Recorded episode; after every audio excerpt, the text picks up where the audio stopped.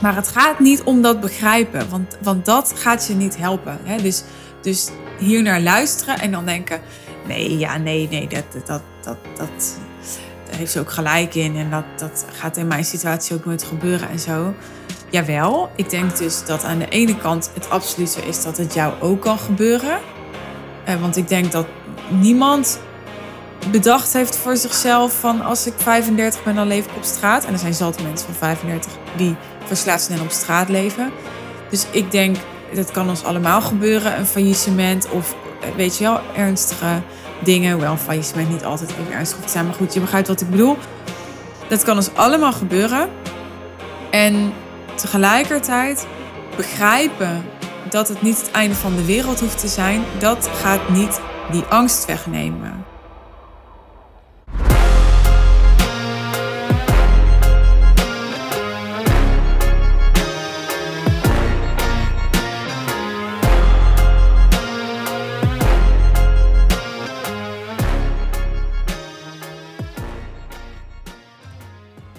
Deel 2 van mijn uh, three-part series over um, geld verdienen, eigenwaarde, vertrouwen in onszelf. En um,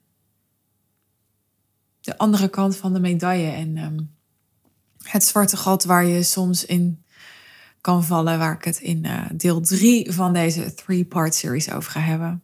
Als je het thema interessant vindt, luister dan dus ook even de voorgaande aflevering als je dat nog niet hebt gedaan. Die gaat over wat als je weet dat je het geld wel kunt verdienen en toch doe je het niet. Of lukt het niet, of gebeurt het niet. En heb je al dan niet heel subtiel en misschien wel onbewust een gevoel van falen. Nou, ik ehm, begon de vorige aflevering best persoonlijk. Ik zal dat in deze aflevering ook weer doen. Als je me al langer volgt, heb je misschien wel eens gehoord. Ik heb het er niet heel vaak over gehad, maar wel eens eerder in de podcast. Dat ik een, ehm, ja, ik noem het altijd maar een angst voor armoede heb. Nou, ja, heb, heb gehad. En uh, wel redelijk goed onder uh, controle. Maar ik kan nog steeds wel, ik herken nog steeds wel bij mezelf, dat ik irreële angsten kan hebben over geld. Dus ik heb het hier niet over reële angsten over geld, maar irreële angsten over geld. En ik praat hier ook best wel veel over met mijn spiritueel leraar, omdat ik um, heel erg geloof in onthechten. Daar heb ik het ook vaker over gehad in deze podcast. Dus ik geloof dat vrijheid hem niet zozeer zit in uiterlijkheden en dingen waar we dus aan gehecht zijn om die vrijheid te kunnen ervaren en aan te kunnen ontlenen. Maar dat die vrijheid zit in innerlijke vrijheid. En dat betekent niks nodig hebben om je vrij te kunnen voelen en om in vertrouwen te kunnen zijn. En dat betekent niet dat niks nodig hebben betekent dat je niks meer ambieert of niks meer wil. Want voor de duidelijkheid, dat is natuurlijk niet zo. Maar ik geloof heel erg in de, de beauty of die, die twee uiteenlopende zaken. Dus eigenlijk steeds, steeds minder nodig hebben of belangrijk maken of nou, gehecht aan zijn. En aan de andere kant ja, daardoor maximaal gepassioneerd onthecht, noem ik dat dan. Wel te kunnen manifesteren wat ik leuk vind, noem ik het maar even heel bewust. Want leuk vinden, daar, dat klinkt al heel anders dan hè, manifesteren wat ik nodig heb of wat ik per se wil of wat ik belangrijk vind. Nee, ik, ik wil graag manifesteren wat ik leuk vind, want waarom niet? mijn spiritueel leraar zegt altijd: het is hier net een attractiepark op aarde. Dus we kunnen allemaal kiezen en er is zoveel mogelijk. En dus in dat speelveld is het leuk om het te proberen en om het om, om groots te denken, omdat je dan ja, het excitement kan voelen van alle mogelijkheden die er zijn. En het is belangrijk om niet te geloven dat de pot met goud, is even de eerste metafoor die nu in me opkomt, daadwerkelijk aan de andere kant van de regenboog ligt. En ja, dat die dus ergens anders is en dat je daar naartoe moet om je beter te voelen. Want dat is natuurlijk echt een, een fucking trap. Excuse my language. Want ja, iedereen die succes heeft bereikt in het leven, zal denk ik kunnen zeggen: ja, dat was te gek. En het gaf me ook voldoening. En misschien heeft het je zelfvertrouwen gegeven. Het kan je van alles brengen en vormen. Maar het is niet de prestatie of het doel aftikken wat gelukkig maakt of wat voor veiligheid zorgt. It's never about the money. Het is het vertrouwen in onszelf. Dat is wat ik wil dat het geld vooral voor je gaat opleveren. Het vertrouwen in jezelf dat je dat geld dus kunt creëren, kunt manifesteren. Dat vertrouwen in jezelf, dat maakt je vrij, niet het geld. Want geld kunnen we altijd weer verliezen. En hoe meer je hebt, hoe meer je kunt verliezen en hoe kutter dat is. Dus waar de vrijheid in zit, is dat je het al een keer gedaan hebt. Wat niet automatisch betekent, vind ik, want daar wordt nog wel eens makkelijk over gedaan, dat je het dus zomaar weer gaat doen. Want dat zeggen ze vaak. Je hebt het al een keer gedaan, dus je kan het zo allemaal nog een keer doen. Nou, dat weet ik niet. Ik bedoel, ja, tijden veranderen ook. En je kan in een goede tijd op een goede golf zijn meegegaan. En in een andere tijd misschien wel op een andere manier bij een ander bedrijf of met een ander idee totaal niet uit de verf komen. je kan zeggen, ja, dan herhaal je toch precies wat je eerder deed. Ja, maar zo werkt het dus niet, want je kan niet.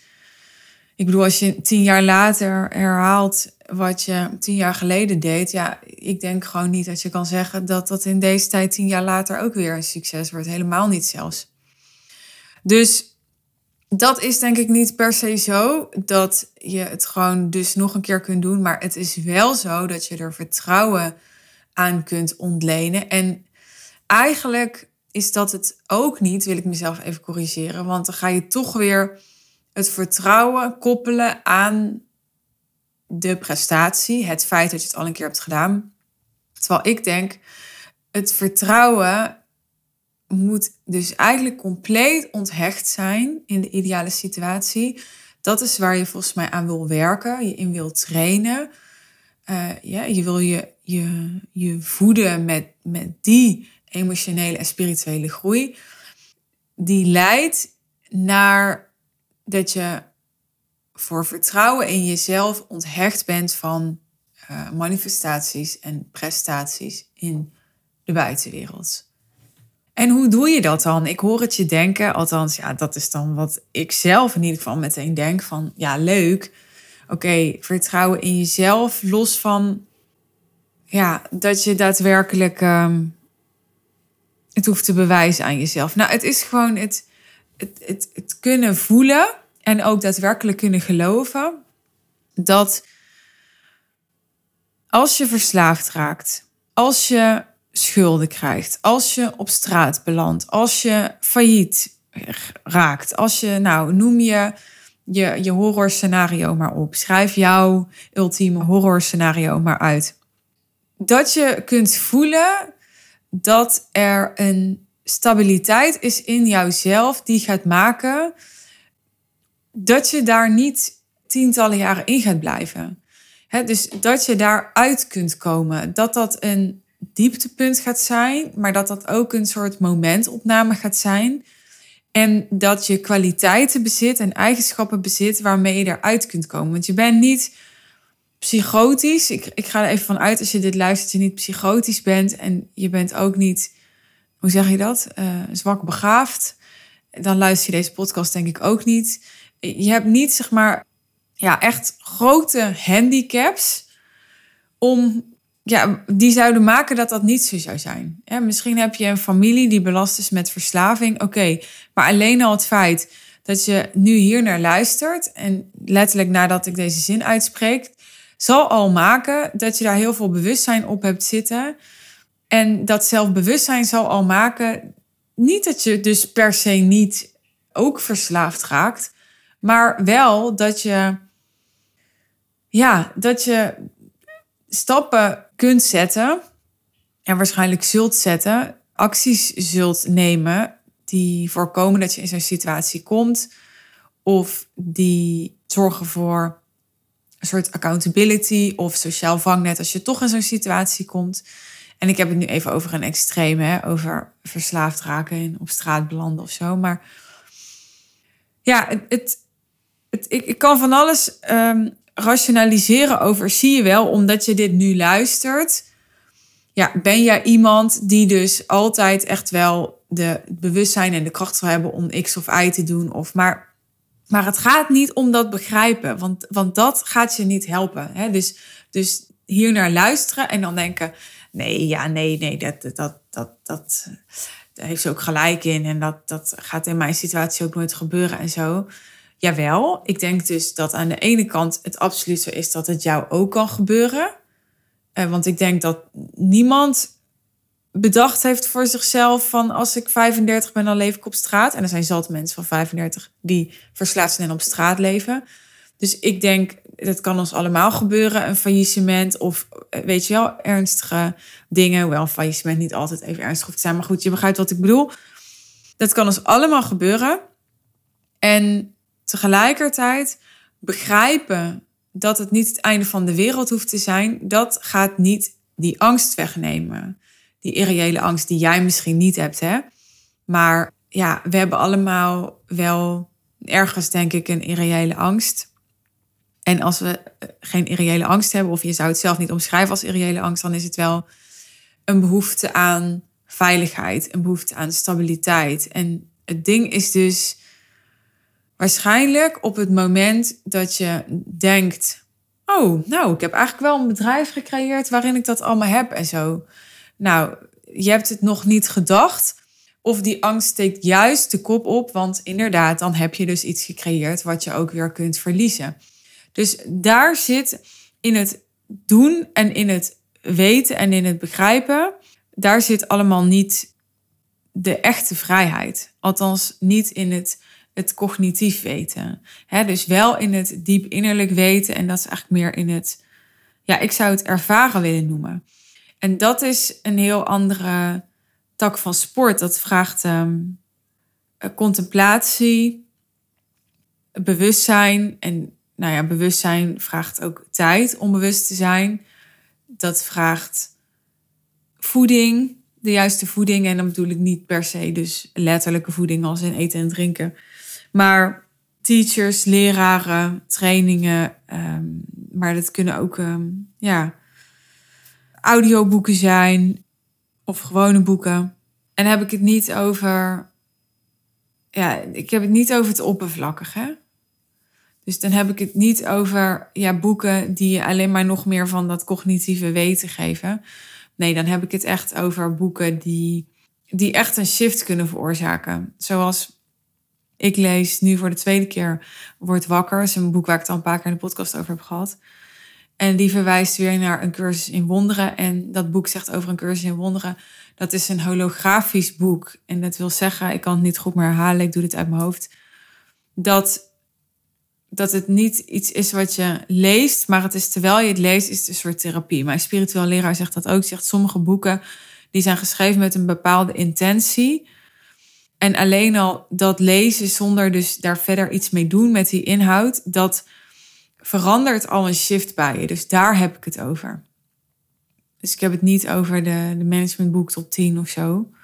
Waar helemaal niks mis mee is, uiteraard. Maar om even duidelijk te zijn. Nou ja, dus je helpt jezelf ermee om hier bewust van te zijn. En het is zo'n grappige paradox, want hoe meer je hier bewust bent en hoe meer je dus prioriteit geeft aan dat onthechten en aan dat, dat oefenen met onthechten. En, en dat, dat shiften, dus die shift maken van gehecht zijn iets naar ongehecht zijn aan iets. Ja, hoe makkelijker het wordt om te manifesteren wat je wil. Omdat er geen uh, verkramping meer op zit. Dus je kunt doen wat nodig is, zonder dat daar per se een resultaat uit moet komen. En dat betekent dat je kunt doen wat nodig is zonder dat je dingen gaat proberen te controleren. En we weten allemaal dat controleren gewoon nooit werkt, omdat er niks te controleren valt in dit leven. Controleren is een kwestie van hard knijpen als je zand in je handen hebt om het zand vast te houden, maar door het harde knijpen glipt het door je vingers heen. Het is hetzelfde als je partner willen controleren. Weet je, hoe harder je gaat proberen om die ander te laten doen wat jij wilt, hoe meer die ander geneigd zal zijn om niet te doen wat jij wilt, omdat hij het daar benauwd van krijgt. En omdat hij precies dat zal gaan spiegelen waar jij bang voor bent. Dus jij bent bang dat die ander je verlaat en daarom wil je zijn of haar gedrag controleren. En wat gaat die ander dan aan jou spiegelen? Die angst dat hij of zij jou verlaat. Dus die gaat jou verlaten, even heel zwart-wit gezegd. Dus dat gebeurt er met geld ook. Op het moment dat je er gehecht aan bent, kan je het misschien wel verdienen, maar het ook blijven verdienen en het dan ook behouden. Dat gaat gewoon niet als er verkramping op zit omdat je dan niet meer scherp kunt zijn, niet meer helder kunt zijn. En ja, dat is precies wat er in salesgesprekken ook nodig is. Dat je gepassioneerd onthecht bent. Dus you do care, weet je wel. Het is niet zo dat je laconiek wordt. Dat het je niet meer uitmaakt hoeveel je verdient. Dat het je niet meer uitmaakt of een klant ja zegt. Weet je wel, dat het je niet meer uitmaakt welke klant je krijgt. Nee, je hebt nog wel passie voor wat je aan het doen bent. Maar je hecht er niet aan. Dus als het niet gebeurt, is het ook goed. mijn spiritueel leraar zegt altijd: Natuurlijk wil ik niet ziek worden, maar als ik wel ziek word, dan is het ook goed. Dat verhaal. En ja, ik, uh, ik betaal hem daarvoor om dat elke keer weer opnieuw met andere woorden tegen mij te herhalen. En ik heb daar zoveel aan gehad dat ik uh, nou, dat ook weer in mijn woorden met jou wil delen. Dus ik hoop dat het uh, je helpt om hier vandaag naar te luisteren. Dank je wel voor je aandacht en je interesse. Als je wilt reageren, feel free. Stuur me een berichtje op Instagram of op LinkedIn. Of mail ons hello at En vind je het interessant om met mij te bespreken hoe ik jou kan helpen zo simpel en winstgevend mogelijk je hoogste ambities waar te maken? Op een duurzame manier, op een bestendige manier. Precies waar ik het in deze aflevering over heb gehad. Boek dan je call met mij via de link in de show notes. En als je eerst nog even wil chatten, kom dan op de lijn in de DM's. Oké? Ik wens je verder een hele mooie dag, avond of nacht als je dit zelfs laat luistert. En tot de volgende aflevering. Oh, en uh, vergeet je niet te abonneren hè? als je op de hoogte wilt blijven van uh, nieuwe podcasts. Tot gauw, bye bye.